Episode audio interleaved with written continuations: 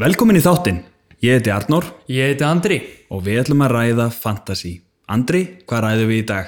Í dag ræðum við fyrstu umferðina í ennsku úrústeldinni, uh, hvernig okkur gekk og planið okkar fyrir næstu umferð. Já, Yes sir. og við erum að sjálfsögja konu með sjóðheitan, svartan og sykuleysan kaffibólla Svartan og sigurleðisan eins og við fýlum hann. eins og við fýlum hann. Við erum á Twitter, Instagram og núna Facebook. Yes, komnir á Facebook. Komnir á Facebook, endilega follow okkur þar. Já, Facebook er ekki dött nefnilega. Það, er fólk ennþá á Facebook. Ég var að lesa frétt að Facebook væri vinsalisti samfélagsmiðlinn á Íslandi. Nei, hættu nú alveg. Jú, no joke. Já, náttúrulega, svo margir sem nenni ekki að fara í það að eyða Facebook og svona, en reyndar er... Unga fólki er bara á TikTok sko. Já, við erum kannski að byrja á TikTok líka. Þetta er svolítið tryggva. Já, já einmitt, ef við viljum ná unga fólkinu. En uh, En við erum náttúrulega bara á Facebook hann að, já, veistu, komum með attinn á þetta allt. já, þetta er Arnur og Andri á Twitter, Arnur og Andri ræða fantasy á, á Instagram og Arnur og Andri á Facebook. Já. Ef þið searchið podcastið okkar, Þá kemur þetta upp. þá kemur þetta upp. Yes. En við viljum enn og aftur þakka fyrir hlustunna. Yes. Það er hálfgjört fantasy æði sem grýpur um sig í byrjun leiktíðar. Mm -hmm. Allir Íslendingar vel peppaðir og það er svo mikil stemning í kringum þetta allt saman. Já, allir að drekka kaffi og skoða fantasi. vinnustæðir búa sér til eh, sína eigin fantasideildir, vinahópar henda jafnvel í eitthvað létt bett mm, kippa af léttul í púkið eða svo Já, já, já. Ég er í þannig líka. já, það er bara Nei, nei, er það ekki? Jú, jú, það er allir, allir með kippu undir. Það er, það er sama hér þetta er svo skemmtilegt og hlusturinn og síðasta þátt var alveg sérstaklega góð og við viljum þakka fyrir það Ótrúlega góð. Mjög ánægð með þetta. En áðurum við förum yfir fyrstu umferðina er kannski best að líta yfir stöðuna í fantasideildinu okkar Yes. Hvernig á- lítur þetta út, Andri, í byrjun leiktíðar? Byrjum leiktíðar, herðu. Við erum komið með hana fyrstu þrjá, topp top þrjú hjá okkur. Hvað er allir að byrja? Herðu, í, ég byrja bara í fyrsta sætinu. Byrjum bara Hver í, trónir á toppnum Það sá sem trónir á eftir toppnum. fyrstu umferð? Eftir fyrstu umferð trónur á tóknum Stengrímur Arason með liðið Hersteini eða Hersteini Herr Steini. með 92 stig Ok. uh, í öðru sveitinu eru eða er Sveit Skorri Höskuldsson með liðið UMFL 2021 Hvað er það? Ungmennafélag Fantasí líka? Ú, það er þetta gott líf en það er, hann er með 85 stig Aha. svo í þriða sæti einu stíu eftir honum er Pálmi Trösti með liðið Sláturhúsið Úf. með 84 stig Wow. og auðvitað eru þetta menn sem voru með fyrirlega valið sitt upp á tíu og völdu Sala f- sem fyrirlega fram yfir Ába Er það ekki svolítið þannig? Jú, það, þeir voru allir með Ába og Sala og völdu allir Sala þannig að, Er það ekki ástæðan af hverju að þú ert í 32. seti og ég er í 45. seti? jú, það er bara akkurat ástæðan ég væri núna nær þeim, ég væri þrem stugum fyrir aftan þriðasætið ef ég, Er það, ertu búin að reikna út? ég er búin að reikna það út, ég væri þrem stugum fyrir aftan þriðasætið ef ég væri með Sala kaptinn Vá, ok, við þurfum að bretta upp ermar og gera okkur í brók. algjörlega maður, þetta er búið að vera skita Já. En hvernig gekk þér í fyrstu umferð, Andri, svona annars, eða, eða meira svona hvað fór úskeis? þetta er sko Er þetta bara það sem við klikkuðum báður á, kaftina sala? Það er ógeðslega pinnandi hvað kapteinin breytir miklu bara í fyrstu umferð Já. og þú veist, auðvitað ámar ekkert að panika því að hinn liðin væri ekkert svona háttuð, ef, þú veist ef aðrir hefur ekki kapteina sala eins og þessi fyrstu sem eru fyrsti núna, þá væru þeir í alveg jafn sama panika og ég þannig að í næstu umferð, hver veit nefnir ég náði kapteina valinu rétt og ekki þeir þannig að þetta er mjög mikið þannig en á ég að fara yfir stíin minn í minu liði Já, ég var náttúrulega með McCarthy í markinu já. hann skilaði náttúrulega bara tveim stigum ekkert spes, engin save bonus eða neitt uh, svo var ég með Trent sem var eitt stig, Robertson fjögur stig Walker Peters eitt stig en ég, er með, ég er mest pyrraður yfir því fimm mínútum í deadlineið á Fantasy þá var ég með Rhys James inn í liðinu mínu auðvitað fær, ma- menn fara alltaf í þessa bæningar alltaf, alltaf þetta, fimm mínútum fyrir ákvæðis þetta Erik Dyer inn fyrir Rhys James og En ekki auðvitað tapar tóttunum á móti Everton og Rhys James leggur upp mark og skorar styrlað mark ah, þetta var svo pyrrandi þetta var þetta er svona, ég meina þú veist, veistu hvað ég var með bara þrefum mínúti býta deadline svo nei, þá var ég með Calvert Lúin frammi í staðin fyrir Mitrovic, já, akkurat þú veist hvað er maður búin að gera mörg dröft já, já, akkurat Ég meina- og hvað ætlar maður að vera með svipin og sjálfum sér endalust nei, nei, þetta er náttúrulega, það er ekki þetta dæma sér döðan þótt að maður sé 20 stigum á eftir ykkur núna því að það er,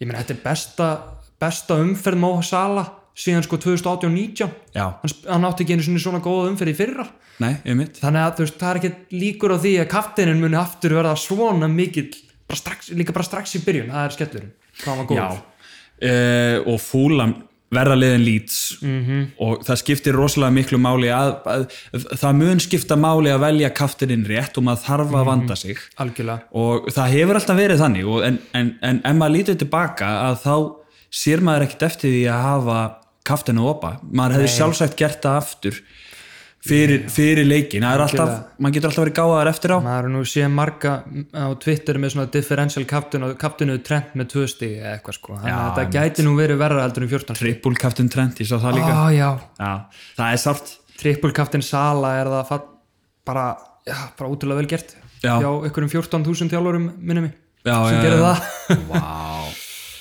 En uh, og, og uh, ég var með ég var líka með McCarthy og Kyle Walker Peters Kyle Walker Peters, hann slappið raukt spjald já, já, ég sá það maður Ha?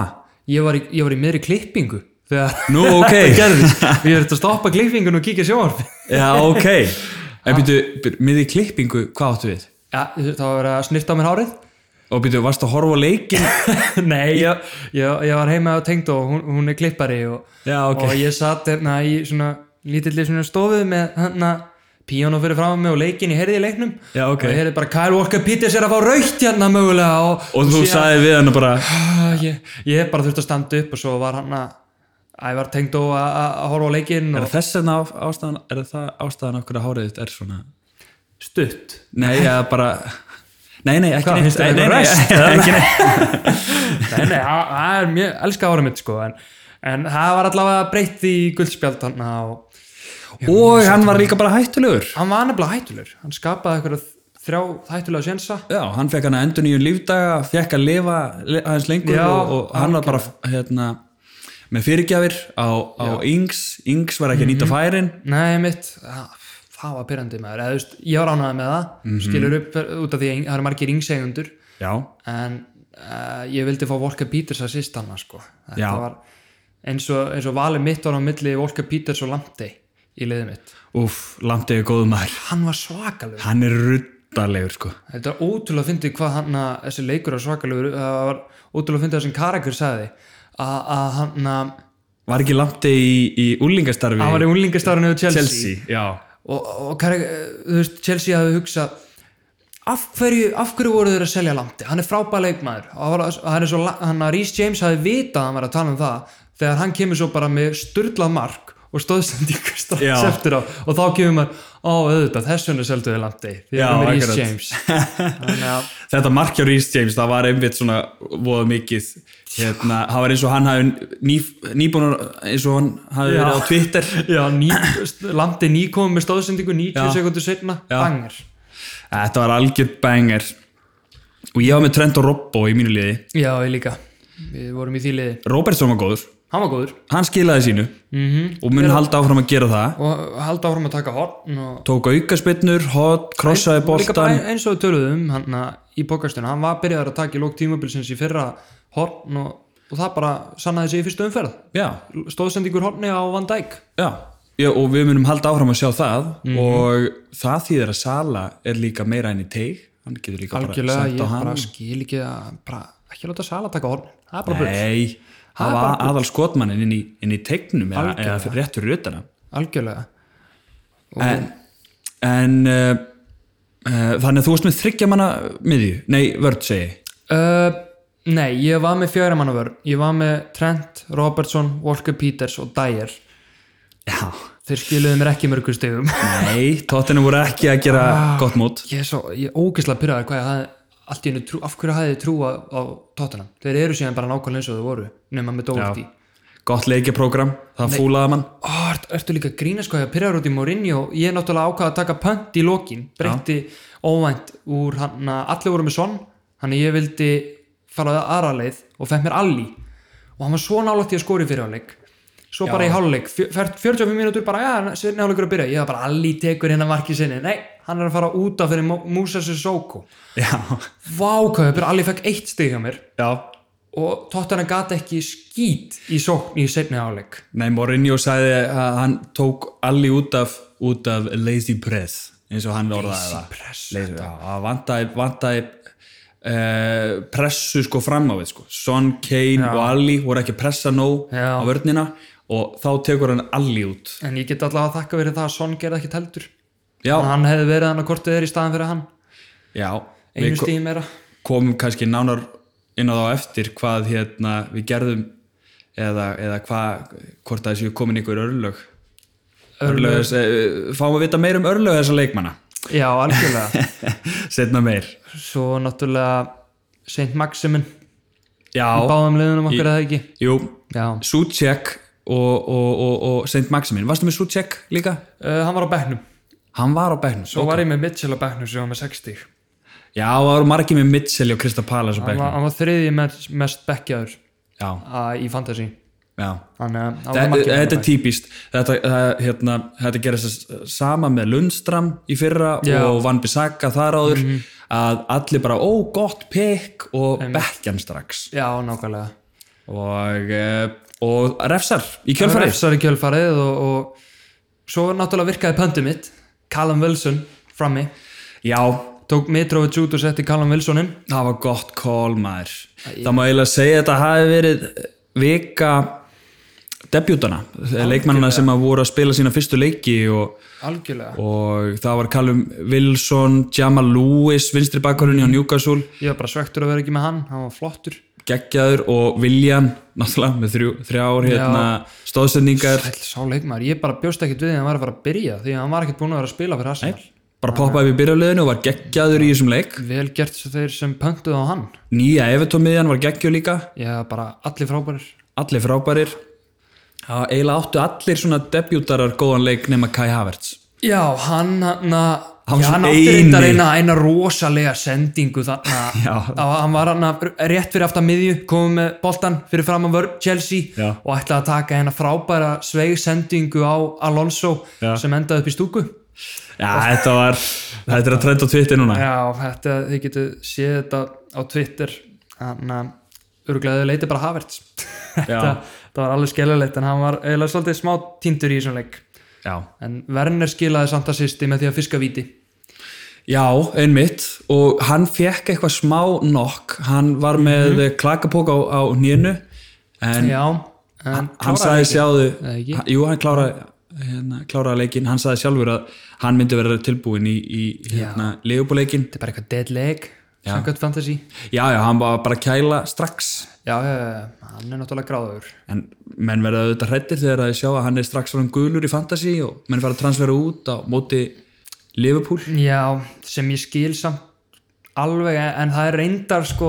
ef það er tími til þess að vera með Werner á móti Leopold, þá er það núna sko, eftir að Leopold færa á sig þrjú mörk gegn Leeds, Já, ég það er þessi Leopold var bara- bara leganda gegn Leeds, já en veistu hvað? hvað? hérna kemur eitt hérna, surprising mm. þeir fengu þrjú mörg á sig á móti Leeds Já, en, eh, en Leopoldvörnin var með uh, minnst svona goals against expected goals against nú, og þeir fengu ekkert dauðafæri á sig í alvöru já, og vegna þess að mörkin sem þeir fá á sig koma út af eh, einstaklingsmistökum Já, og eða, eða hérna, eh, þetta voru tvö geggjumörk þarna eða sérstaklega hann og eða Klitsch- Harrison og Klitsch, Já, og Harrison, Klitsch. já, Harrison var rugglað dribbling hjá gallinum já, utan þessara voru engin dauðafæri eða neitt Mm. Nei. Ah. og, og, þau, og þá var Leopold með þjættustu verðina í umfyrinni samt fengu þau á sig þrjú mörk Þetta var alveg svona klaufa mistöku svo,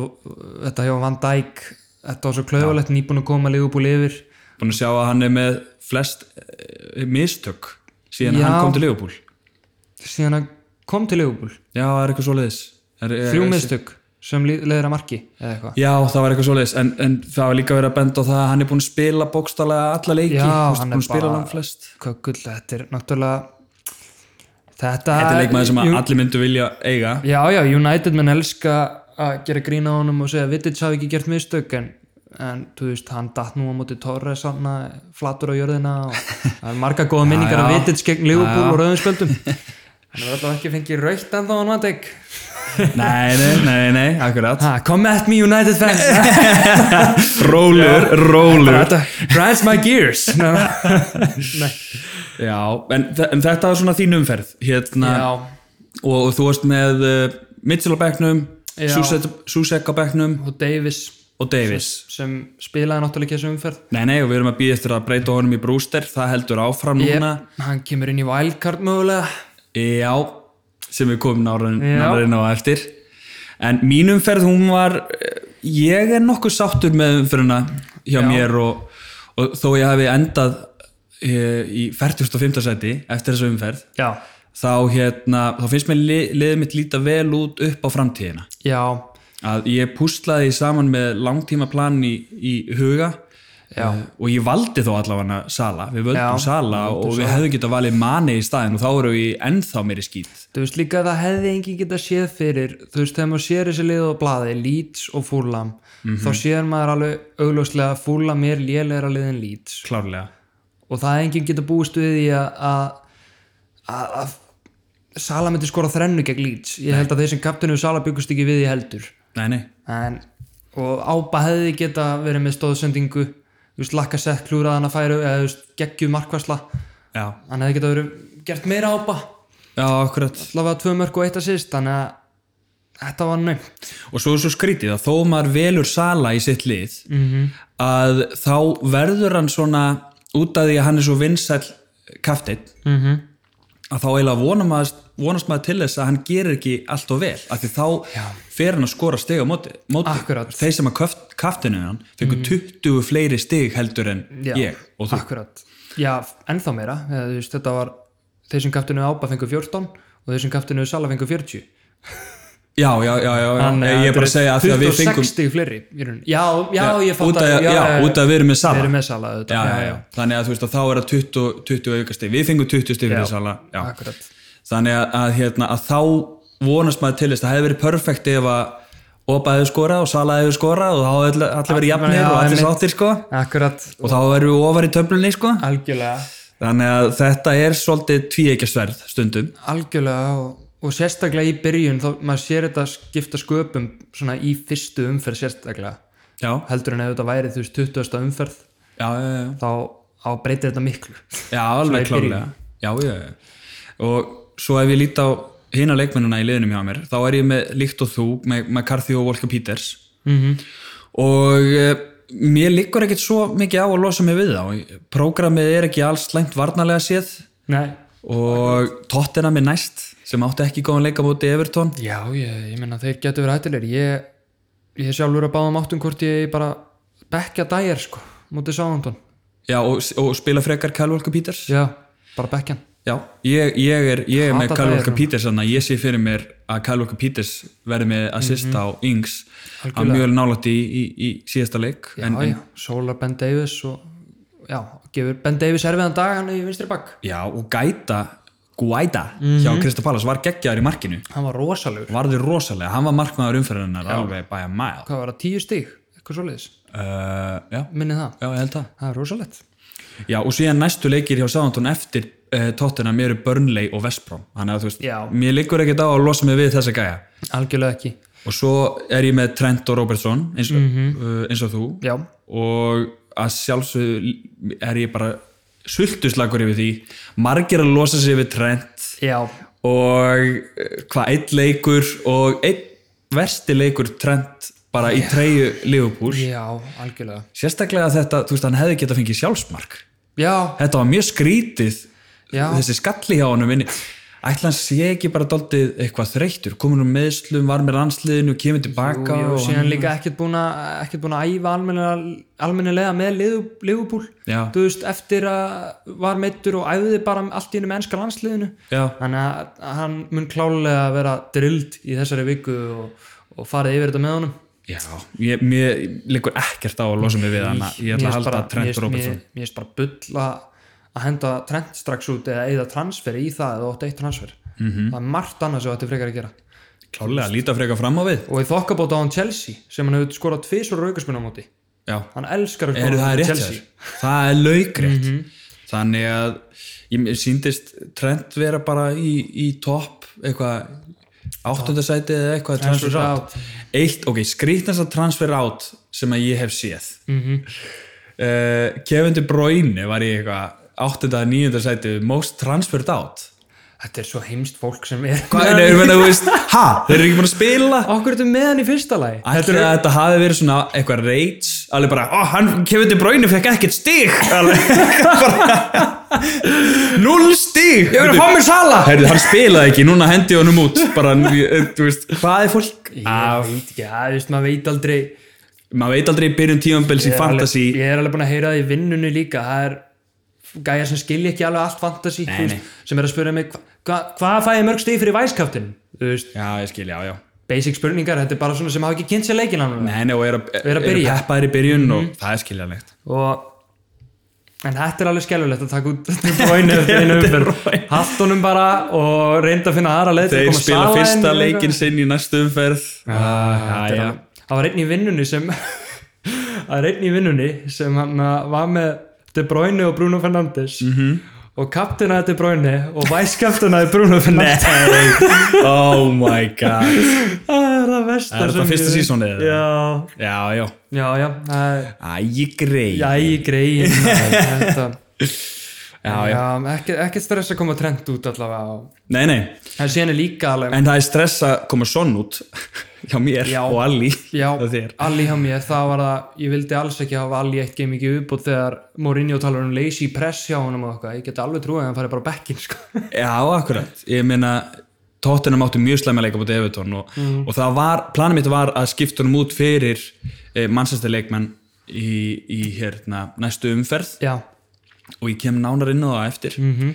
en með þessum þremu dýrum miðjumönnum sem ég var með þá var ég með tvo ódýra eins og þú, Susek og Alan Saint Maximin Mhm. -hmm. Alan Saint Maximin er í þessu góða njúkasöliði Já. lítur mjög vel út algjörlega en ég er sko ég er reyðast, eftir, eftir þessu umferð Mhm. -hmm. þá er ég örgulega ósáttastur með Saint Maximin Já, hann er eitthvað svo hann er ekki partur á sóknarleiknum Nei, það verður að rýna í leikina og hann er sko í sókn þegar Newcastle er í sókn já, þá hleypir hann Jamal Lewis fram Já. og hann bakkar og fyrir vinstri bakkurinn og bara snertir ekki sóknina þetta er svo skrítið já, Líka, það var eitt móment í leiknum þar sem að hann bara kom með eitthvað svaka hlaup tók fram úr ykkur varnamannu, ég held að hann var að komast einn í gegn svo eitthvað neginn bara náði varnamæðurinn honum og hann eitthvað svona uh, fór hann að gera eitthvað krúsidúlur og, og sóla eitthvað og, já og tók örgulega síma sinn og fór á Twitter eitthvað mm -hmm. hann er alltaf eitthvað brillir að það sko Mhm. Rósta fólk á Twitter svona, ben, hann er svona Benjamin Mendy svolítið já, auðvitað, og hvað er Benjamin Mendy búin að gera fyrir City? hann er bara sterkur á Twitter Já. hann er bara búin að promóta klúbin eða eitthvað já, auðvitað, hann er bara í einhverju sko. PR já, ég, Eh, starfið hann hjá City já. og Saint Maximin eh, er bara já, og ég fyrir vinstu bakurinn, ok, ekki máli Jamal Lewis, þú fer fram og ég bara er eh, spá spoiler fyrir planum mitt fyrir næstu umferð Alan Saint Maximin er á Becklum undir Brighton wow.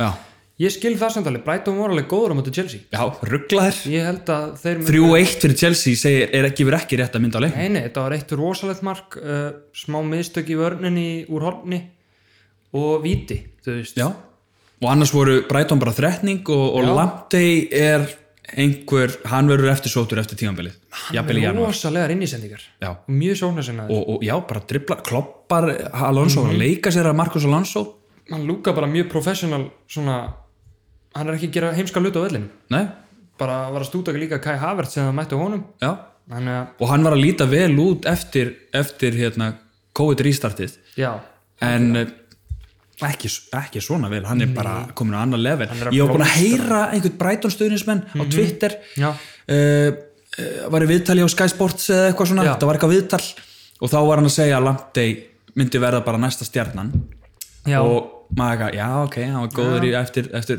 rístartið ok, og hann var í nokkrum dröftum í okkur maður hefur líka ekkert fylgst með honum sjálfur nei, nei, spila, nei, maður fylgist ekstra vel með þessu núna þú veist, ég horfði á alla leikina um helgina og ég held ég bara, ég man ekki hvenær ég gerði það síðast ég horfði bara á alla leikina já, var frá það, fyrstu til 9000 mínúti já og, og hvernig var það, var það ekki bara það var það mjög gaman sko ég bara, Algjör mér finnst ég hafa sko svakalega gott yfirlit yfir bara hvaða lið er að spila Mhm. vel og hver illa ég meira þess að segja, ég er svo ég er bara svo uh, já, ég hef svo mikla vitund á því að ég, ég er meira þess að bara skellt í bett fyrir næstu helgi sko. Það er svoleiðis. já, ég er bara, já, þetta liði betra, þetta liði betra þetta liði betra, Ég líka. sex leiki eitthvað Ég, ég gerði það sama sko Nei, ha? Jó, Veist Ég var ekki búin að segja það frá því En Ja. ég hérna Líst vel á. eh, Já, gerði eitthvað seðil hérna, hérna Fjórir uh, Eh, Setti á fjóra leiki fjóra leiki, já. Já. ég held ég sé með fimm leiki já, Já. Fimm. Nei, herru, ég er með fimm þetta með fimm Já. já. Hvaða leiki varstu með? Herðu, það voru, hvaða leikir er þetta? þetta Við eru- förum kannski eh, Já, ef við förum kannski- þau förum að því yfir við- planið. Já, þegar Já. Mhm. við förum yfir hérna leikin í næstu umferð þá, þá getum við hérna Algjörlega. Þegar við förum að spá og svona þá getum við farið yfir þetta algjörlega en, eh, en ég var að segja að, að ég setti Alan St. Maximin í skammakrókin já, og Susek hjá Vestham var í þessu hundlélega liði á Vestham -hmm. og það eru sögursarnir um það að þetta ádreitt frá Mark Noble um daginn Já. að stjórn Vestham hafi selt Diangana til Já. Vestham sé að eitra út frá sér inn í klefanum já, það er svoleiðis og að það sé bara proper hann er fyrirliði liðsins Mhm. -hmm. og hann var pyrraður á bekknum þegar hann var tekinn út af sko já, já, já, hann er brjálæður En og málið er að Susek skilur ekki neitt Þannig að hann er í besta skapinu þarna Nei, en minna það sem ég ætla að segja að, að eini leikmaður vestam sem að var að gera eitthvað var Susek Mhm. -hmm. og hann er nefnilega daldið skemmtilegur upp á það að hann byrjar aftast á miðunni Já. og svo þegar að vestam er í sók þá fer hann inn í teig fyrir skallabolta Já, og hann átti þrjá skallabolta Já. í leiknum og var nálátt í einu svona tvísvar að skora þannig að Declan Rice býður svona aftar á meðan hann fer inn í tegin Já, Þannig að hann er sóknusinnar en Rice og betra option en Declan Rice Já Susek mun skora ég, ég er alveg samfæður um að, að hann muni, Susek muni gera eitthvað á meðan að Alan St. Maximin í vinstri bak og sko, þá er ég að meina vinstri bak vinstri bak, hann er bara, þú veist hann tekur ekki þátt í sóknarleiknum Já, akkurat á neitt nátt, að, að, að Susek eh, ironically lítur betur út heldur en hann Já, algjörlega Ég, ég er með hann á bekknum eins og er fyrir næstu umferð en ég, ég held ég takja hann inn fyrir dægir fyrir dægir, allan dægin Já, allan dægir allan dægir, ódægir ódægir Ó, dægir já uh, Þetta er, já, en, en, en ég var bara að ég fylgdi svo vel með umfyllurinn á Sky eh, eftir leik Vestham og Newcastle og, og bara að heyra viðtölum við David Moyes og hann var náttúrulega spurður hafði Mark Noble málið og Dian Gana málið áhrif á leikmannahópin já og, hérna, og hann sagði það ætti ekki að gera það af því að þetta eru atunum fótboltamenn Hann er svona, hættu þessu drakar, hættu þessu Já, akkurat, og Graham Souness Já. var þá í settinu Já. og sagði að bara I'm a football person og I know that this clearly affected them Graham Sjónes maður Já, Ljónharður og hann hérna og, og það bara virtist á leiknum að, að þetta, það er eitthvað, klefin er ekki lægi hjá vestam Nei, líka bara þú veist þegar hann mæta Newcastle Þetta er leikur sem þeir hefðu þurft að vinna áður en þeir fari í þetta fárónlega erfiða leikjaplan Mæta Arsenal og öllum þessu stór top 6 liðum í fyrstu sjöl umförunum Einmitt, Hann er eða átta, fyrstu átta umförunum top 6 liðin Þannig að þeir þurfa virkilega á stegum að halda og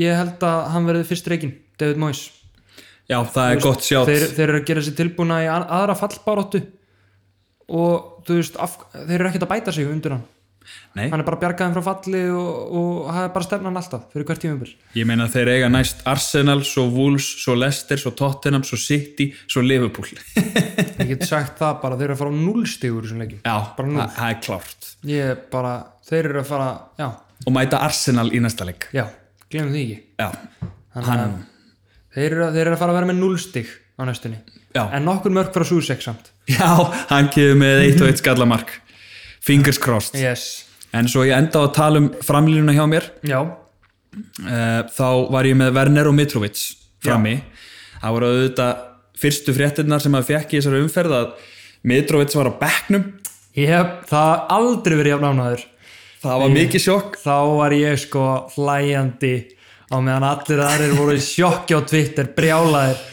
Þetta var svona típist, bara svona fantasy Þetta var svona reality check, bara já, Ég meina- Eh, fantasy er snúið aftur Auðvitað er Mitrovic á bekknum og líka gæi, eitt, eitt tip sem ég vekk fyrir tímabilið Já. er að setja Twitter notifications á FPL Rockstar Já, Setja sjátt á not- hann maður já, setja notifications á hjá honum því að hann er með bara legit fréttir ef að það hefði verið gömlu reglunar í fantasy þar sem að það er deadline 60 mínútum fyrir leik Mhm. Já. þá hefði hann Látið Mhm. hann, hann kom með þetta alveg vel klukkutíma fyrir leik Já. og þá hefði ég geta breytt en hann gerði þetta reyndar bara til að ruggli fólki, hann var búin að halda þessu fyrir sig í alveg hann vissi að hann Mm. Það hafði er veist að- að!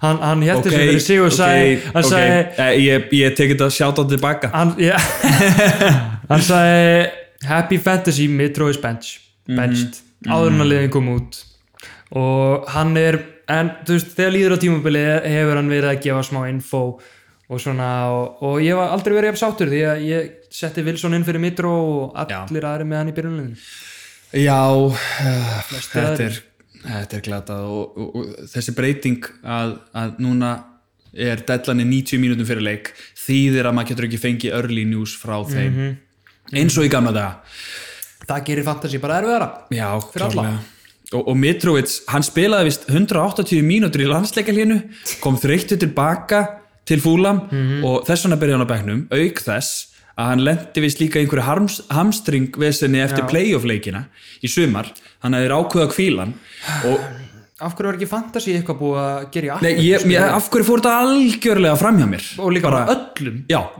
Ma- það fór fram hjá einhvern veginn öllum nema þeir sem horfa á landsliðið þeirra ég veit það ekki, sem er stuðnismenn Mitrovic ég veit það já eh, þetta var alveg ekki, uh, já þetta meikar ekki vel alveg sens. þreytt en ég er heldur ekkert svo stressaður á að losa mig við hann Nei, mitt, vegna þess að eh, bara vonandi byrjar að næsta leik ef að hann er bara, Já. ef hann er bara komin í stand býstu því sko já, og hann er með gott hann mætir Leeds í næsta leik já, og hann er með gott rekord á móti Leeds já það já, fjóri leikir á móti þeim Mhm. tvö mörg, tvö assist já ok, hann, eh, hann er að gera eitthvað í hverjum leiknum já, Leeds fekk, Leeds fekk, eh, fekk á sig fjóri mörg á móti Liverpool já, þannig að þú veist að, og hann þekkir þetta lið, búin að mæta þeim oft í Championship og, já, og líka bara eh, já, þú veist, ef einhver er að fara að skora fyrir fúlan þá er það líklegast hann, því hann skora bara 80% af mörkunum þeirra eða eitthvað já, akkur restin að þessu liði sökkar Já, basically sko ég, ég, það var mjög fyndið þegar við vorum að tala um hana pressuna hjá fúlam já,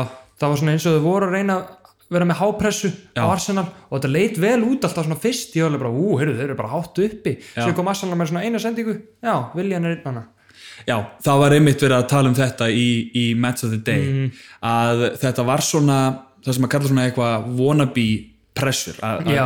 að var svona einn og einn leikmaður sem var svona já, ég ætla að pressa en það var, liðið pressaði ekki með honum Nei. það var alltaf einn og einn leikmaður sem hljópa að og fó frá þannig að þú veist, þeir voru alltaf berskjaldar og þetta var bara algjör bara amatjör ávar hjá fúlam er sko, á móti ekki, hver, Arsenal. er ekki Slaven Bilic þjálfarið þeirra Jú, já, já, hann, ég held að hann kunni ekki alveg á pressu nei, sla, nei, nei, nei, ekki fúlam nei, nei, nei, Vestbrom Þú- við erum Hann er í rugla. Ah, West Brom, Scott já. Parker svo líklið Scott Parker er náttúrulega nýri Sko, í þessu starfi þannig að- hann, hann er að reyna að koma með svona gegenpressing í þetta Já, þetta var það, hann þarf kannski betri leikmenn í það Það var að læra það aðeins betur fyrst algjörlega En við vorum báðið með Verne frammi já, hann skilaði stóðsendingu Skilaði stóðsendingu úr viti sem hann fiskaði Já Og eh, já, svo svektur að sjá hann ekki taka vitið henn á debutinu en Jorginho vist heldur vita spinnunum já, ég var einmitt sko Ég, ef að Verne hefði tekið vítið -hmm. Mhm. Og hann hefði, ef að Ryan hefði varið það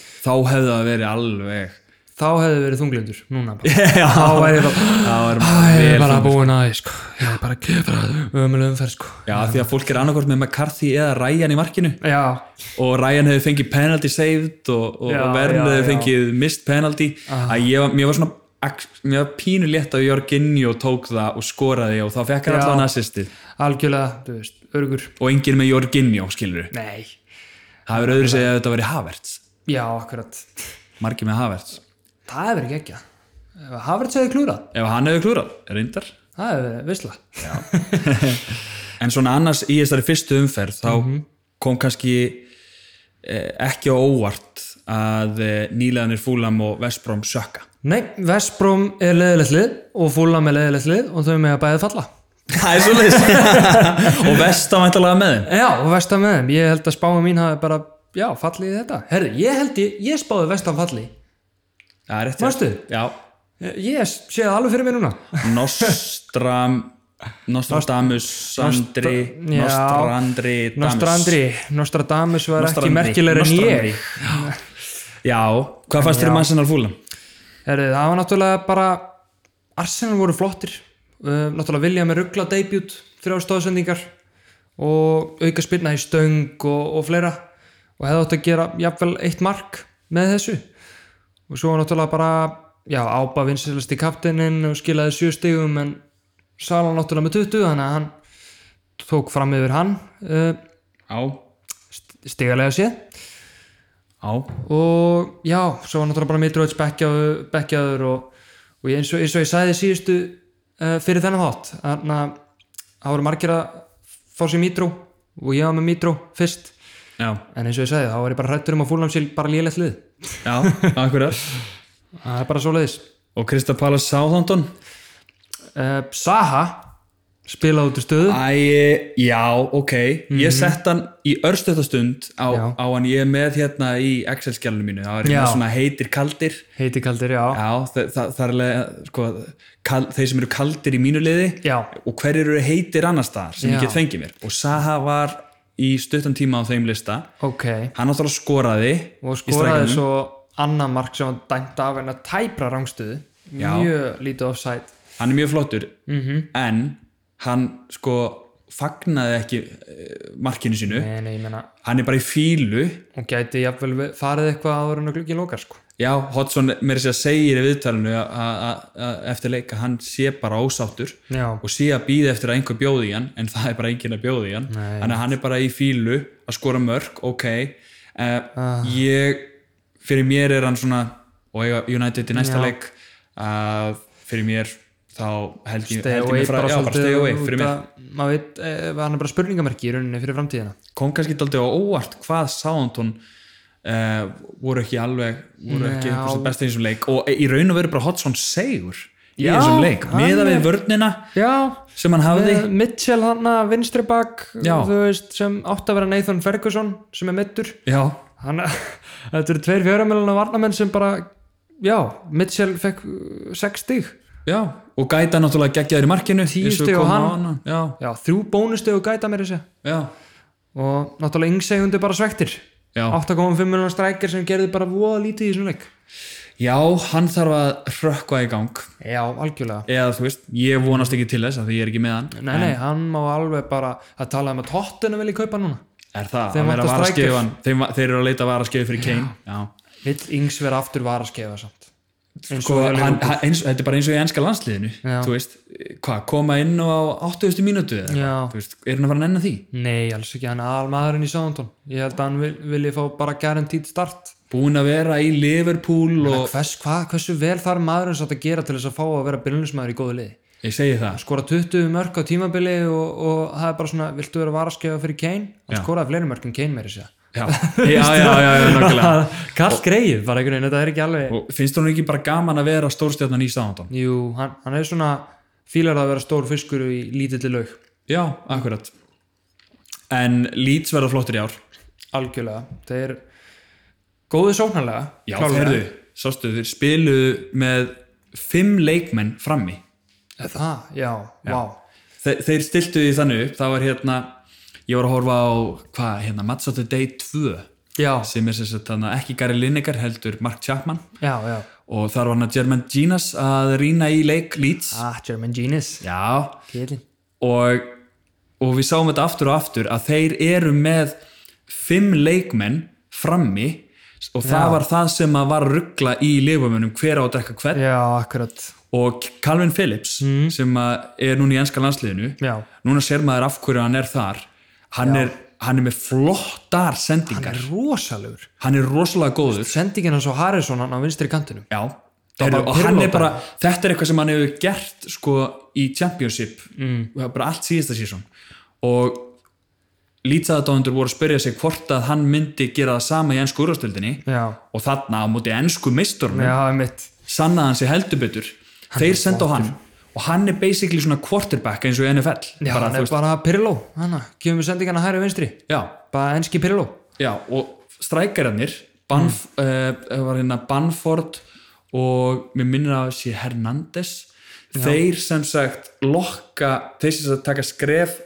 aftur og bak -hmm. til þess að Gómez og Van Dijk Mhm. já, fylgi þeim og þá fara kantarnir Mm. að markinu Harrison og þeir þú veist, Bielsa er alveg klár gæði já, sko. ég, sástu þegar hann, þegar hann hérna, var að fagna fyrsta markinu nei, og hérna, hann var með tebolla í, í pappaglasi what hann var bara, þeir skoruðu og hann tók sér sopa að tegum bara svona, það var allt og flott múf sko.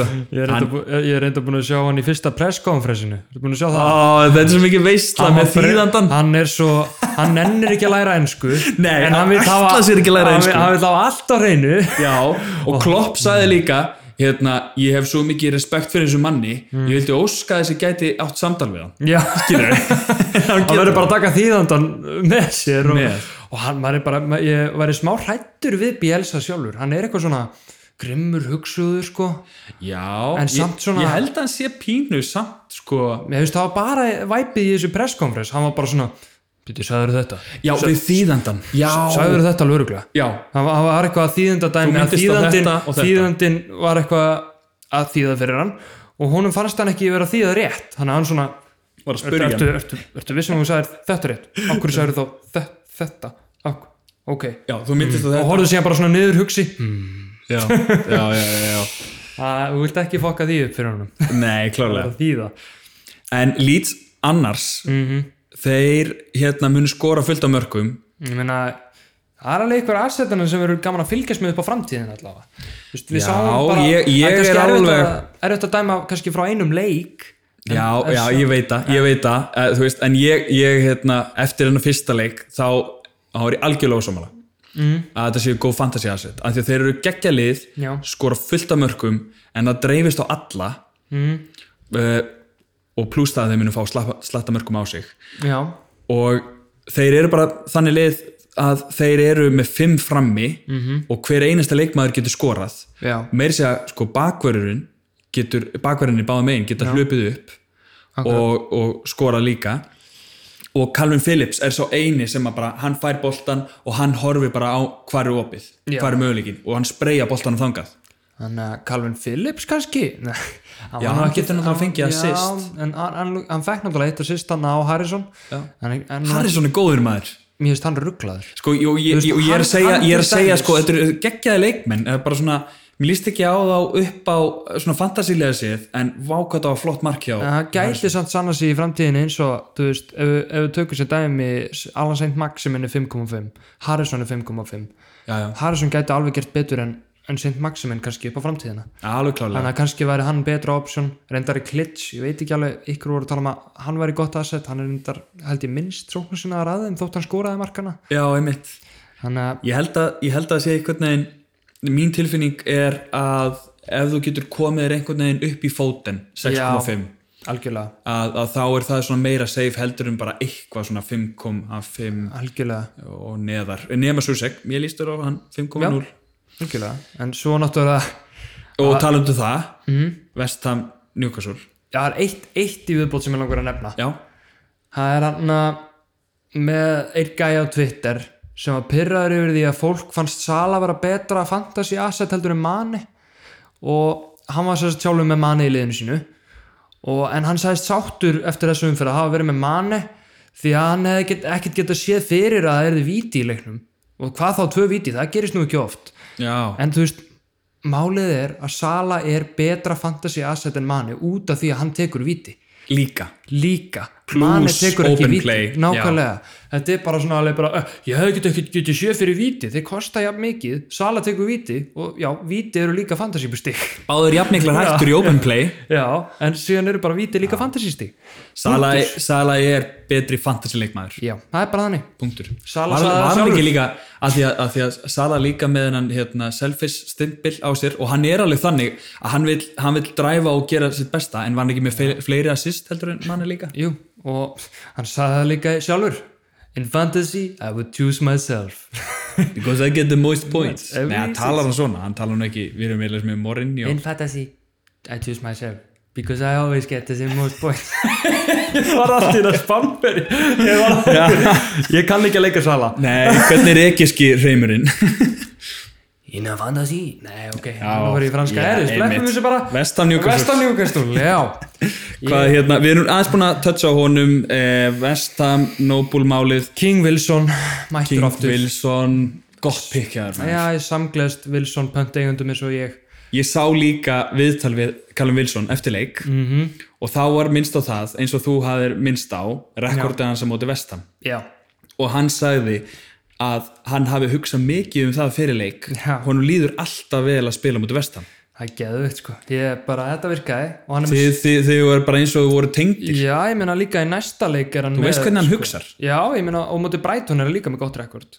Hann er með einhverja fimm leiki, tvö mörg, þrjá stóðsendingar ah, Það var enda fyrir landi okay? Já, Þannig að- fyrir landi En ég- Nei, en það mjög gott er eitthvað- pick. það er eitthvað við sko Newcastle og frammerja Demba Ba, Papi Sise og allir þessar legendary Newcastle frammerjar Já, Mér finnst Eh, Alan- hann- ég er að gleyma- og Alan Shearer Nei, ég er að tala um bara þeir eiga alltaf vanalega svona góðan frammerja nema kannski í fyrra Já, já og hann að mér finnst það bara mjög fallegt að sjá Wilson hann fer hann betur að vera í Newcastle treyju finnst mér Var ekki líka Andy Carroll góður í þessum leik? Jú, Ha? mér fannst það bara flottur Sem, að- sem að kemur öllum á óvart líka? Já, ég var í ykkur ammala á sama tíma að horfa á þetta Já, Stelpunum voru bara að tala um hvað það væri myndalur Já, bara já ok Það eru bara hlutabrifin að hækka í honum Já, já, já, hlutum fyrir að hækka Ég sagði, já, ég er alltaf kallaðar Andri Karol Ó nei, já ok Æja Nei, Ég er ekki eins myndalögur Andri Karol Andi Karol Nei, já, það er klárlega uh, En já, Jamal Lewis frábær uh, Saint Maximin alltaf að gera einhverjar krúsidúlu sólbröð og tilgjörslusu stöðum á vellinum og,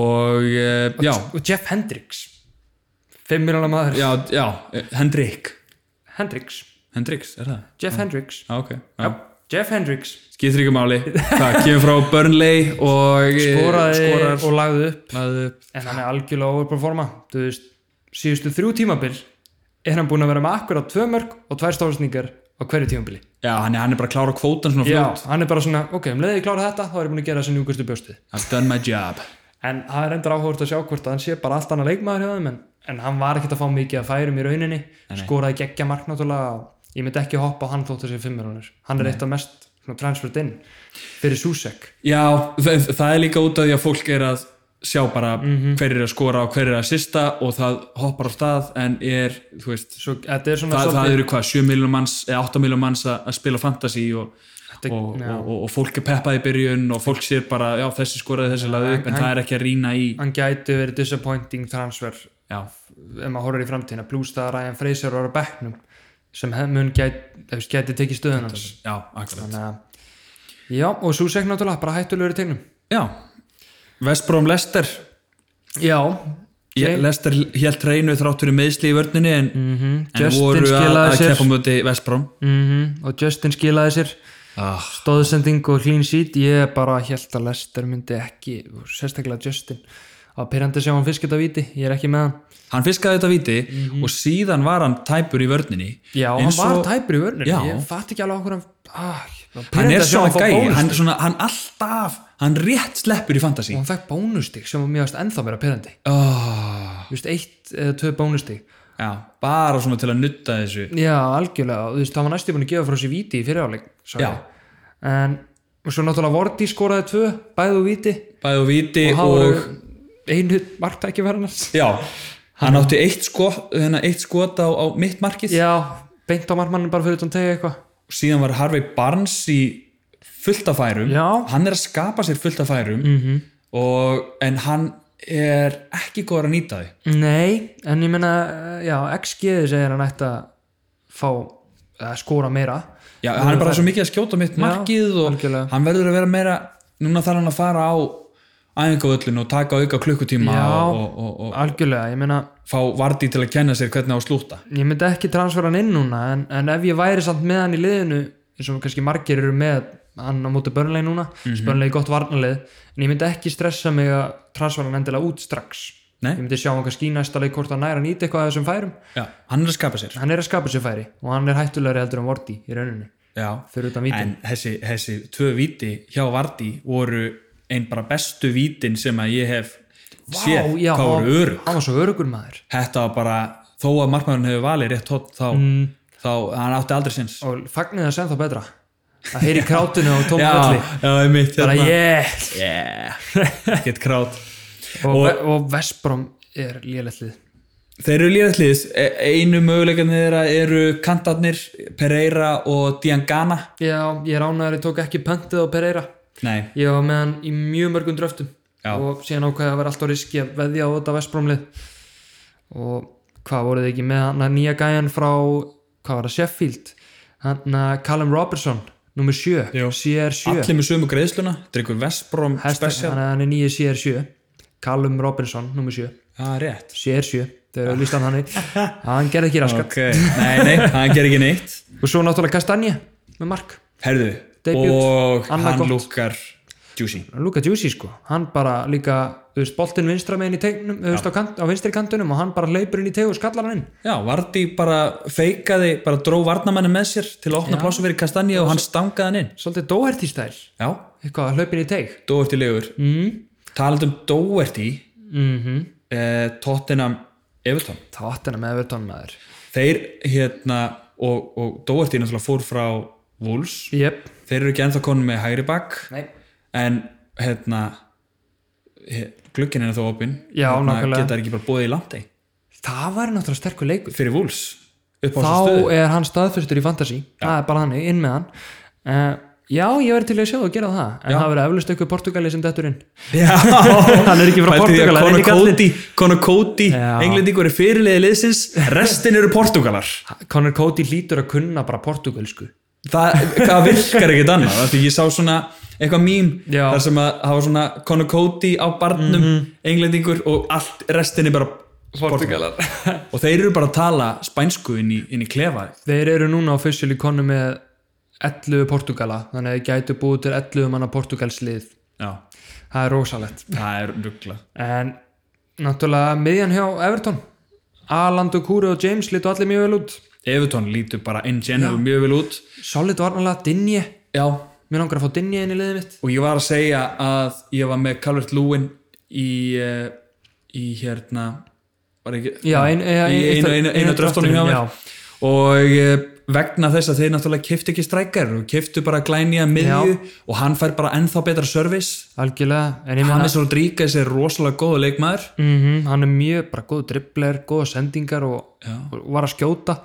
Vist, ég held að hann geti alveg verið hættulur. Ég ákvað að býða með að að að fá þér hann fá mér hann sko, ég var Já. að íhuga en, en Hann- það hann er- virðist ég vil líka- sjá return sjá hann Já, ég, ég sammála því og, og ég held að þú veist, hann mun náttúrulega lúkka rosalega vel hann er mjög teknískur, mun örgulega sóla einhverja leikmenn og koma með flotta sendingar Mhm. -hmm. en ég held að sé svona aðalega assist sem, a, Já. sem að hann vil gera senda á Algjörlega. Richarlison og Calvert Lúin algjörlega, en það er endur áhugavert að að Rík Karlísson var í rauninni mun hættulegri heldur en Calvert Lúin í þessum leik hann átti bara tvö marktækifæri í Calvert Lúin skoraði úr einu þeirra sem var skalli Ok, þannig að þannig að ég er Rík ekki Karlísson á, á, hefði átt að skora sko Já, gæti að mun mögulega já vera þegar hættulegri. sólaði hérna sólaði Loris og, Já, og sko. hefði getað sett hann á Calvert Svo bara- Lúin já. Calvert Lúin öskraði á hann tók Torres á þetta Já Og, veist, og hann só, Richarlison sólaði markmannin og Calvert Lúin var öskrandi á hann Já. það eru engir áhörundur, hann hefur klárlega heyrt í honum þú veist come on það er ekki feik áhörundur sem, þeir heyra ekki á, feik áhörundum það er bara við sem heyrum í það já. bara svo það sé á reynu já, þetta og Tottenham bara uh, ekki góðir, ekki ískaldir og góður Doherty bara, var endar eina positífi sem ég tók frá þessu tóttanalið Já. hann var náttúrulega að skora Harry, Harry Kane var mér geggja svona vippsendingu á hann Já. og var einna mótið pickvort og hann varði frábælega pickvort já, en mér líst ótrúlega vel á þú veist, mér langar í, úr Everton myndi mér langa í Dinje og veist, Calvert Lúin mun vera strækjaði þeirra já, mér langar mjög mikið í hann, 7 miljonum fyrir hann það er ekki mikið það er ekki mikið og James Rodriguez, ég ætla að fylgjast með honum en hann geti dottið inn í framtíðinni en Lucas Dinni er gæði sem ég langar í ég sé fyrir þeir eru Vestbrom í næsta leik og eiga bara góða leiki framöndan þú veist, hann er að fara að fá ykkur clean sheets og, og stóðsendingar og fullt það er alveg klárt algjörlega talað um clean sheets þá uh, gerðu uh, Wolves það, þau Já. héldum lakinu sinni reynu Algjörlega. mótið Sheffield þeir eru rosalegir og Sheffield komu líka mjög á óvart já, hvað þeir voru lélir þeir voru skilurlegir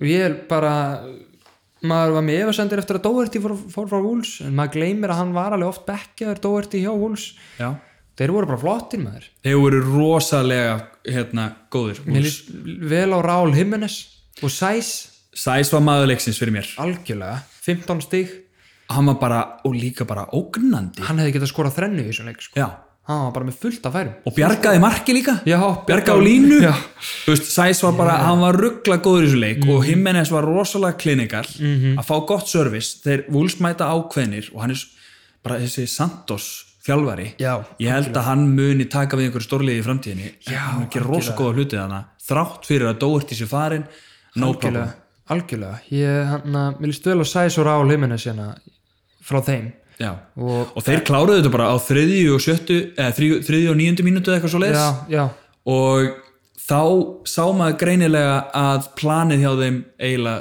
sko, breyttist að þeir voru komnið tvönu lifir þá breytist einhvern veginn, þeir verða meira kompakt Mhm. algjörlega og þurftu ekki að vera eins aggressífir Sheffield reyndi að að sækja eitthvað með já, Chris Wilder tók hálflásaran klálega í Já, í fyrirháleik og hálfleik, þeir þeir voru- mættu alveg miklu aggressífari já, ég meina það er nú bara í, í setnáleik sem ég sá út úr þessum leikja Sheffield þeir eru að spila með Billy Sharpana og, og Wilder köfti Brewster, goddammit já, það, er Ryan bara þeir Brewster. þurfa, þau þurfa strækir 4,5 miljonar maðurinn í fantasy og það er klárt að, hérna, að þið þurfa strækir Algjörlega. hér kemur eitt stat sem kemur þið kannski á óvart já, en Sheffield voru með flesta krossa fyrirgjafir í fyrstu umferð já, og ekki bara flesta, heldur langflesta í alvörinni já, e, Tottenham voru með næst flesta krossa já, 24 -hmm. og Sheffield voru með 43 Mhm. er það krossa 43 já. ég sá og líka engin strækir til að klára þetta. nei, ég, ég sá líka að Billy, Billy Sharp var með XG mjög hátt hjá sér hann hefði átt að skora, skora eitthvað já. Hann Þeir er þurfa bara proper þeir þurfa striker. bara betri strækjar þeir eru búin að selja hann að Callum Robinson Oliver McBurney er bara lélugu frammeri hann, hann, þú veist hann er bara að vinna fyrir liðið kannski skorar ekki mikið, þú veist, markaðist er leikmann þeir eru fyrir á það með 6 mörg, já, Jesus Christ sko. það er bara skelfilegt einu sem Valdur vantar er strækjar sem getur skorað allavega yfir 10 mörg já, jafnvel, bara tvo, fá brúster á láni og, og, og, Já. og bjóði einhvern annan algjörlega og bara starta brúster já, hann yeah, Ég- 4,5 sjá- strækir ég áfæra hann beintin í liðið mitt make it happen algjörlega Og svo er það síðasti leikurinn mm í þessu gameweeki, það var uh, Brighton, Já. tók á móti Chelsea Brighton, og allir voru Chelsea. rosa spendir að sjá uh, Kai Havertz og Werner og Eh, og margir kannski, þú veist, þá talaði um að Pulisic var heill fyrir leikin en þeir Já, ákvaða að kom á spila, óvart. hann bara var ekki í hóp var ekki hóp. hann ákvaða bara að býða með hann samt þáttur að vera heill og Tiago Silva ekki þannig uh, að spila Guetta var á bekknum Já. ég bjóstu að hann er í vinstri bakk og Alonso er ekki í liðinu en Alonso leit herfilega Já, út, ég- langt yfir að leika sér á hann. í næsta leik mun, held ég hann að spila í dett inn fyrir Alonso og Rhys James mun klála að halda sætinu Já. Rhys James var frábær ég er bara Geggjaður. útrúlega pyrraðar hann, munur, já, hann er að berjast allavega fyrir sætinu sín í þessu liði sko. Já, bara hægri bakverðinni voru bara menn leiksins í þessum, í, Já. í, í, í þessum leik og uh, jafntefli hefði alveg eins geta verið, Mhm. ég, ég held að jafntefli gefur svona rétt að mynda af leiknum sjálfur. Algjörlega, þú veist, Ben White var Brighton sterkur eru í, bara góðir sko. líka Ben White var sterkur í vörnunni hann mittist hann í lókinu reyndar Já. Þú veist, gæði sem var í lítsi fyrra og búin að gera samning við Brighton aftur Já. Og Kai Havertz og Werner komu í viðtöl eftir leikin og voru bara ennsku deildin er miklu erfið Já. heldur en þýska algjörlega sem að gefur ekki góða raun fyrir fantasy Maður er Nei, svona, en, en Werner var samt gráður í mörg hann var alveg að reyna að koma sér í færi og skjóta og skjóta og... og, og eftir að hann fiskaði vítið þá fekk hann þetta högg á hnið Já, sem, að- sem, að- sem að limitaði hreyfingu hjá honum og, algjörlega og hann var að kæla það eftir leik hann mun alveg pottet skil ykkur í mörgum sko. ég meina ah, hann er góð. ég myndi freka að vera með Werner heldur en Harry Kane á 10,5 í liðinu mínu akkurat núna Já. og já það er nú ekki mikið meira að Nei, segja um þessa umferð nei, eigum við ekki bara að taka okkur smá pásu og renna svo yfir næstu umferð og, og hvert okkar plan sé yes sir, mjög til í það Þá ætlum við að líta yfir næstu umferð yes, Hvernig líst þér á næstu helgi, Andri? Hvað, hvað er svona planið hjá þér? herðu, ég er búin að vera með smá hausverk yfir þessu ég, Smá hausverk. smá, mikinn hausverk Þú ert búin að vera að senda mér fullt að já, skilja það. mjög mikið að skilfa þetta er búin að vera á hausnum mínum í allan dag Við vorum kannski með daldið svipulið kom, mm veist, hvernig við byrjum tímabilið. Mhm. Já.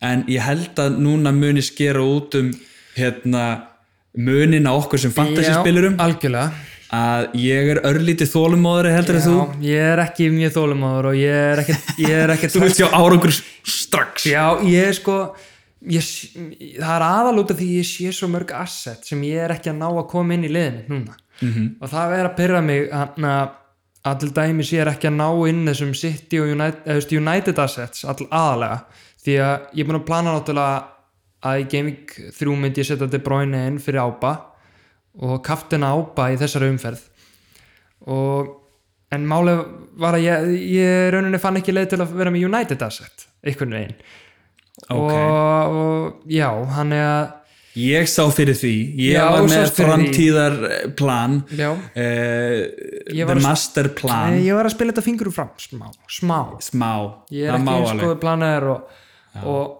en ég er búin að gera eitt transfer ég ætla að býða með sérst, planað mitt er mögulega að gera uh, Gaming 3 wildcard það er sko. vælkart það er wildcard mögulega þú veist strax. að þau eru bara með hvað, eitt fyrir tímabil og eitt eftir tímabil nei, nei, nei, nei. eitt, já, já, já Nei, nei, nei, eh, Eitt hvað, fyrir fyrir, jól. áramót og eftir áramót fyrir, fyrir Nei, nei. áramót og eftir maður áramót já, já, við erum ekki með sko tíu wildcard þú, þú veist að því já ég veit það ég veit alveg, sko nú veit ég bara held ég hvar hagsmunni mín er liggja Æ, það er svoleiðis Já, nei, svona sirkabát allavega, það er létt að fara í allar eftir þetta vælgarlið myndi ég eiga létt með að fara í allar áttir en ég er allavega búin að gera eitt transfer fyrir þetta gamevík, ok, ég tók allir út strax nefndi honum ekki já, og setti inn Viljan já fyrir leikinu múti vestam Já, múti, áður, en að, áður en hann hækkaði verði þannig Já, að ég fekk hann á 8 miljonir og hann er komin í 8,1 miljón núna já, vel gert þannig að ég ætla að vera með hann fyrir vestamleikin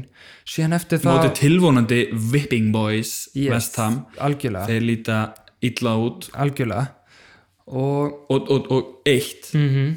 Jamal Lewis var náttúrulega sækjandi á vinstri kantinn Mhm. -hmm.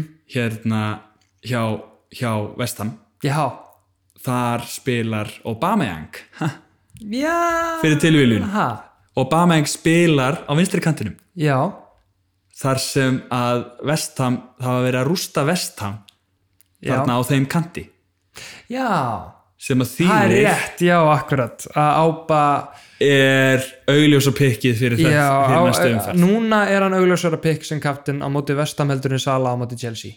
og síðan skorar Sala Pottet á móti Chelsea Algjörlega. og nei, Nei, svo, Ég- svo er náttúrulega, Aubameyang er, er, er sko ég sé fyrir mér einhverja þrennu já, algjörlega og ég meina, ég sé fyrir mér sláturinn og núna eru náttúrulega dettin United og City, þannig að þú veist, þeir eru að mæta, City eru að mæta Wolves, erfiðara lið, uh, United eru að mæta Crystal Palace og þú veist, þá verður fólk að tala um De Bruyne sem kapteinsi eða, eða Bruno Fernandes, Rashford, Martial, fullt af fleiri valmöguleikur sem fyrirlega núna í þessa helgi. já ég, svona fyrir tímabilið þá hefði maður kannski hugsað Man United asset mm Mhm. sem fyrirliða á móti Krista Palas en Krista Palas lítur mjög vel út á móti mjög sóknarsinnu sáhantóliði Algjörlega. og þá fer maður að spurja sig hvort að United er að fara að rústa þeim Já, eða eru þeir að fara að ná er Krista Palas að fara að ná að halda þessu í kannski 1-0 eða já, akkurat. Ég sé fyrir mig alveg 1-0, 2-0 sigur. Já, að verða ekki það mikið að mörgum Mhm. en ég sé fyrir mig mikið að mörgum frá Arsenal á móti vestam jafnvel eitt skallamark frá Susek Og Ég meina, og líka Wolves hafa reynst erfiðir fyrir City. Wolves eru líka bara að byrja svo rosalega Já. vel á móti erfiðliði sérfíld að, Algjörlega. að hérna, þetta verður erfiðleika fyrir City mjög erfiður og en þú veist að, að lesa upp fyrir þið liðið allavega fyrir næsta game í kjá mér Já, það er bara McCarthy í markinu náttúrulega já, svo er ég með Trent, Robertson og Volker Peters í vörninni svo er miðja mín Sala, Aubameyang, William Saint Maximin og Susek ok og frammið er ég með Werner og Wilson Hver er á bæknum? uh, á bekknum eru Erik Dyer, Mitchell og Davis Ok, og, og Stýr og stýr, Og já, Stýr, já. varamarsmaðurinn uh, Já, ó, talandi varamarsmaðurinn þá er Rúnar Al- Alex að fara til Arsenal það er rosalegt þetta Það er, við erum að fara að sjá bara hvað, 4,5 mark, Já, ég- varamarkmann Arsenal Já, Rúnar Alex í staðin fyrir Emiliano Martínez sem er að fara til eh, Aston Villa, Já, Aston Villa á 20 já, Hann er að hérna spennandi mjög spennandi, ég meina hann mun spila örugglega í deildabíkanum eða eitthvað svoleiðis það er maður að vona, Já, algjörlega, alveg þeir klálega rótera allavega klálega Arsenal eru nú þekkti fyrir það með markmenn svona í kemnum, þetta er bara skemmtilegt að sjá mjög gaman en ég myndist aðeins á þann að ég var með Son já, Mhm. þú varst með Ali mm -hmm. hvorur gerði, þau gerði ekki neitt já, þannig að eh, og eins og ég var með plan fyrir tímabilið að transfera Son út akkurat og breyta honum í United mann já, og sá United maður heitir Marcus Rashford já, fyrirverandi framverinn og nú miðjumæður í fantasy Mhm. er komin inn í mitt lið, mi- mitt lið og er klár í heimaleika mútið Kristof Palas þetta er mjög stert sko hann er vist eitthvað tæpur en ekkert alvarlega Ok. okay. að mér skilst þetta er, þetta er bara ég, ég sé svo eftir að hafa ekki verið með tilbúin pening til þess að breyta allir í United mann sko já, þetta gera hugsuðir Andri Já, en ég er svo viltur maður Þú ert svo Ég- villtur og ekkert að- endaði fyrir- Ekkert að ofugsa þetta, en samt en vera það er óþolinmóður. ofalega en ég hann eða þú veist hvað er ég eitthvað að reyna að kenna þér hvernig á að spila ég, fantasy Ég er Ég er ofugsari Ég er óþólumáður En ég ofugsa ekki valkartu mitt Ég hef einhvern veginn, ég gerði þetta líki fyrra Þá var ég mjög snemma á valkartinu sko og þá náður þau góðu fórustu í Já, byrjun og- þetta gæti bara Ég skila finnst það líka, ég er meira sér búin að setja upp valkartlið í Game Week 3 eins og er og mér er stæla fullkomið að býða þangur til í Game Week 3 með þetta valkart því að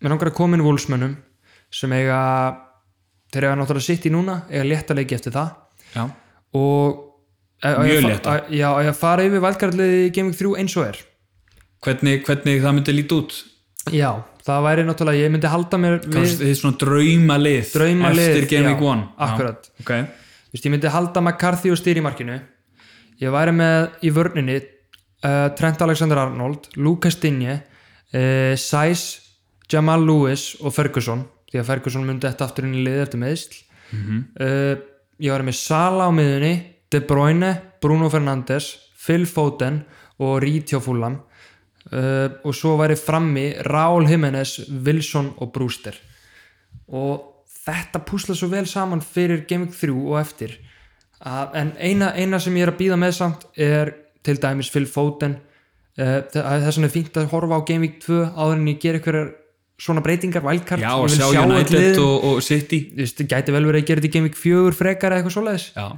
ég, þú veist, ég er ekki að stressa mig eh, þarna er Werner komin út til dæmis akkurat, ég ætla að- allavega Robertson er komin út líka algjörlega og já, já, hann, er- já, Robertson er komin út og Werner er komin út aðal út á leikinum hjá Raúl Jiménez Mhm. -hmm.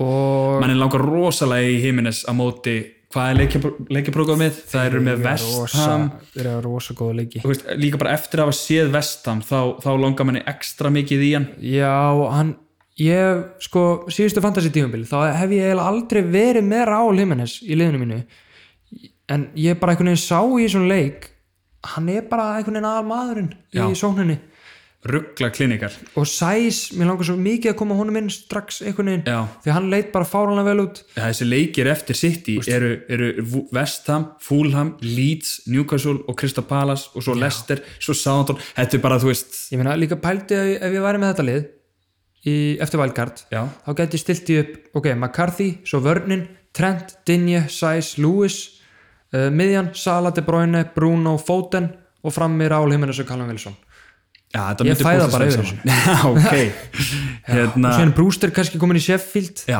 og, og, og Reed er náttúrulega bara 4,5 miljonar miðumæður sem er að spila 90 mínútur með fúlam þú veist það er þetta ekki ekki Já, þannig að það er annarkvort hann eða Besúma, mér er eiginlega sama ég bara...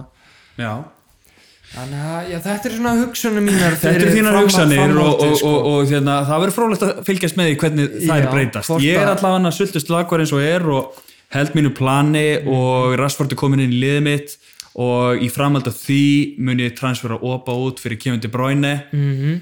en, eh, en maður sé til hva, hvað muni gerast Já, ég er í viltaspilinu Þú ert í vildaspil. Ég er viltaspilið Ég, ert aldrei viltur, Eh, sko. ég, ég sé ekki mér í lóskort ég fara á viltaspilið en það kemur í ljós allavega þú veist, það er tilgjörslega að taka valkart samt ef við gerir vel í Game Week 2 með þetta lið já, já, Þannig að við verðum bara að býða og sjá Við erum að býða að sjá Too Við erum early bara, to tell Já, við skulum ekki fara fram úr okkur hérna Við erum Nákvæmlega. í Game Week 2 og ég kannski renni við mitt lið fyrir uh, næstu umferð Mhm. Já. Ég er með, það er debut frá Charlie Taylor Já, Vardamann Burnley sem var að bekknum hjá þér í fyrstu umferð eða ekki, Jú, af því að þeir spiluðu ekki leik Já. Og hann er bara klár í eh, slægin bara reddi með hann Jáp Mhm. Uh, Burnley með bestu vörnina fyrir utan Liverpool og City -hmm. þannig að hérna, mér líst bara vel á hann hann er að byrja í staðin fyrir Péters og Já. ég meina Lester þú veist, Lester þarf að vinna virkilega fyrir því að skora á Burnley sko Já, alveg klálega, ég Þau með þau þurfa að voru með gera tvö víti Já. tvö víti á móti Vestbróm, þannig ja. að þurfa að gera betur en á móti Vestbrón samfélaga sko. já, Burnley er bara allt annað býst heldur Mm. en Vestbróm og Jóhann Berg er mættur aftur Já, þannig að það verður- hann, já, Vonandi mjög að sjá hann sterkur í því spila. Mhm. liði sko og ég er auðvitað bara með McCarthy ennþá í markinu og ég er með uh, Trent og Robbo í vinstri og hægri bakk yes. og, og, og Walker Peters vonast til að hann assisti á Ings á móti Tottenham mhm. ég vona að Susek ná henni skallamarki móti Arsenal já, uh, ég er með uh, þrjá dýra miðjumenn, það er Yes. Sala, Opa, Rashford mjög dýrt og Opa er kaftin já, svo er ég með frammi Werner mútið Liverpool, það verður áhugart að fylgjast með því og Mitrovic eins og ég sagði áðan vonast til þess að hann skori á móti hann er Leeds já, verður líklega góður á móti Leeds en Og- hann er þekktu fyrir það já, og sent Maximin er í skammakrónum já, hann er á Kaldur. bekknum, kaldur og Davis sem að spilar ekki en, e, Já. hann, hann, eh, hjá Aston Villa og Ferguson sem er mittur og mun þetta sem bekkur skiptir ekki öllum alveg bara einhvern skiptir ekki öllum henni það er bara dýr miðja og vörn og, og áfrækja, það er bara sókn hér já, það snýst aldrei um byrjunarlið Yes, sir, maður. og deadlineið er aftur klukkan 10 lögatarsmorgun það er svoleiðis allir leikir verða síndir, engin leikur er á sama tíma Næs, ég, vel, Þannig að- ég mun vakna hress á hóteli í Reykjavík ég ætla Já. að hafa næs um helgina og fara á eitthvað pöpparöld og horfa á leikina Já, það er svoleiðis Vá, hvað það hljóma vel Það hljóma mjög vel sko Ég er allan í fríi um helgina og eh, Já. mun alltaf reyna að horfa á alla leikina Já, það er bara ekkert annað í stöðinni og fyrsti leikurinn er Evertón gegn Vestbrom Já, og þetta lítur út fyrir að verða daldið auðvelt fyrir Evertón, Já, er það ekki?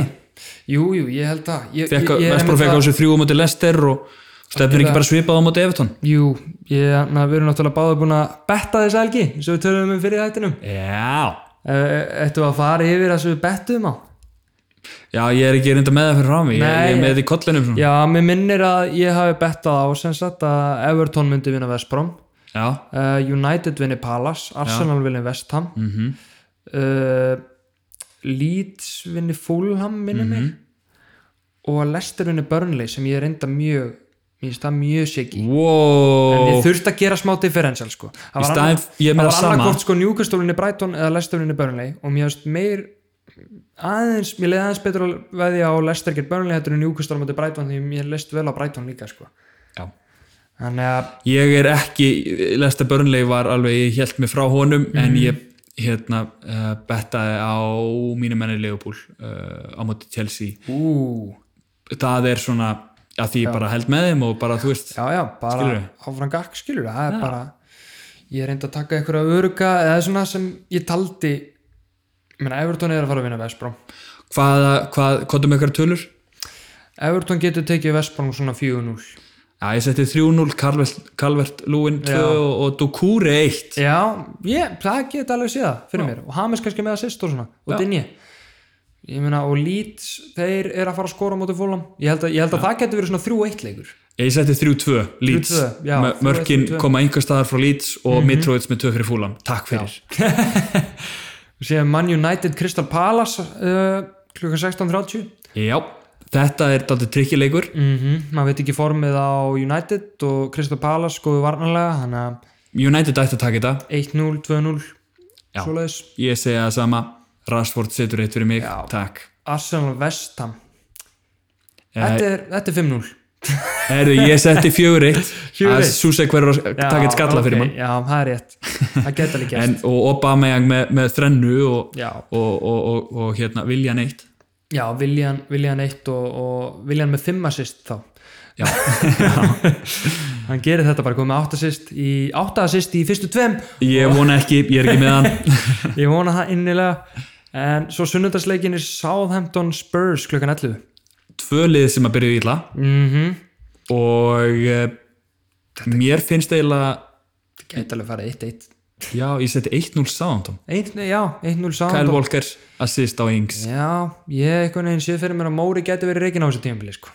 Já, Mó, þá eru komið Móra og David Moyes mm on the firing list On the firing list þau þurfa virkilega að gera eitthvað eitthvað almennilega kaupan á spörs Já, þeir voru að reyna að fá Belotti frá Ítalíu já, já, ég veit ekki þetta er einhvern veginn bara Þeir þurfa- þeir- hann, er- hann er allan að reyna að fá okkur proper striker já, þessi leikstíl hjá honum er bara eitthvað leim en svo er það klukkan eitt á lög- uh, sunnudeginum Newcastle Brighton mjög er þetta að sjá fyrir hvernig Mhm. þessi leikur fyrir það er bara, tvö mjög góð lið þeir eru mjög góð sko ég ég setti eitt eitt á þetta 1-1 eða 1-0 á báða vegu sko. eða, þú veist, Já, þetta, bara þetta gæti hvor verið megin þetta dettur. já, þetta er bara- þetta er 50-50 leikur sko. ég meina Brighton tapa á móti Chelsea og það voru ekki svona úrslit sem að endur spekluðu leikin Nei, þau voru þetta verður flottir, sko. jafn leikur algjörlega og svo er það 15-30 stólleikur helgarinnar Chelsea Liverpool þar geti allt gæst þar getur allt gæst ég ætla ekki að þú voru að setja tölur á þetta nei, en ég ætla að vona að Trent haldi í hefðuna og skori eitt aukaspunni mark já, eins og hann gerir langa oftast gegn Chelsea já, og svo klukkan átján á sunnudeginum Lester Burnley áhugavert Burnley, fyrsti Mhm. leikurinn af þeim og Lester vann Vestbrom 3-0 þannig að algjörlega uh, ég eh, gerði svo djarfur að setja 0-0 jafntefli á þetta Betta eru 0-0 eða ertu bara að gíska það? Já, já, já. nei, ég held mér frá þessum leik sko af því Já. að ég er ekki alveg viss. Ég held, ég, ég, það sem ítti mér að ég að betta á Lester mm. er það að ég held ég séu mun betur þegar Mattisson er mættur. Ég held að hann muni mæti í hennar leik, koma með, hann mun mata vorti aðeins meira vonandi. Ég meina hann er getið talist, náttúrulega hann er gott fantasy asset en hann er náttúrulega nýkominu meðslum, maður bara sjá hvernig hann stendur sig. Og já, ég ætla að vona fyrir mig alltaf að þetta fari 2-0 Lester. já, eða 1-0 1-0 er nóg fyrir mig, ég er bara bett á það ok Og- Lester sigur allavega Það er lesti sigur, ég setti bara eitthvað dörn Já. og núl í aðtöfla það Aston Villa Sheffield já, Fyrsti leikurinn. mánudags, já, mánudaginn klukkan 5 þetta er líka erfiðu leikur að spá, fyrst mér Já, mér yeah. samanlega Jack Grealish nýbúin að gera 5 ára sanning við Aston Villa, Já. hann er ekki að fara neitt Nei, kemur á óvart, þannig að hann mun bara vera all in í þessu leik já já, Mhm. captain og... Fyrsti leikurinn hjá Aston Villa á móti Sheffield sem að koma óvart fyrirfram Fyrir móti hefði maður náttúrulega spáð Sheffield sigri já, algjörlega ég held að Ferði ekki bara eftir því hvort að Sheffield sé komið strækir eða ekki Jú, geti farið eftir því eða, eða Vældur gjössalega búin að láta strákana heyra það og, og koma sterkir tilbaka og Sheffield vakna upp og ný Já, eða vakna aftur, ekki upp á, upp á ný vakna aftur og, og Baldak byrjar að skora og Eggan og svona já, og svo er það síðasta leikur umfærinar Wolves Man City 1915 á mánudaginn í raun og veru annars stórleikur Já, Þetta er djúsi leikur með stór, stóru D algjörlega City er búið að vera í vesenni í gennum tíðina að fara á heimavöld Wolves og hafa bara strögglað með hann á úslutum sko. Wolves vann á því fyrra ef svo er þá, vá, ég var búin að setja 3-1 fyrir City en það, á, en vistu Þeir sér eru búin að, búin að ströggla, ég held að þessu fara rétt með síðustu þrjú skipti sem sitt í að fara þangað og tapa tvisvar. ok, Já. ætla ég, og ég, vi- ef, víst að það er búið að vera svo leiðis Já. og City eru ennþá City og, mm -hmm. og Wolves eh, litur Mhm. Eru svo heit- rosalega vel út í eru fyrst- heitir, eru sko. heitir þannig að eh, hvað það væri rosalegt ef að City myndi byrja á tapi Það væri veistla maður. já, fyrir okkur, Fyrir Leikmenn. okkur, fyrir okkur leifbúlmennina væri það veistla sko. það væri náttúrulega algjör Ég veistla meina, en, en það er- væri sjokkarandi Það væri sjokkarandi þú veist, þeir eru pekkardjóla pyrraður sko, hann lítur að taka þetta. Ég trú ekki öðru. já, ég setti 3-1 City Mhm. mm ég ætla Ég held að það geta alveg farið jafntöfli. já, 1-1. Eitt, eitt, við erum samanlóð það Já, Raúl Jiménez Jimenez. og Kevin De Bruyne. Já, það eru solid Það er solid held ég. Svona lítur önnur umferð út og Yes, sir. við segjum bara gangi ykkur vel Já, þetta verður mjög spennandi. Þetta verður spennend að sjá Algjörlega, en ég heiti Andri. Ég heiti Arnór og við ræðum fantasy betur síðar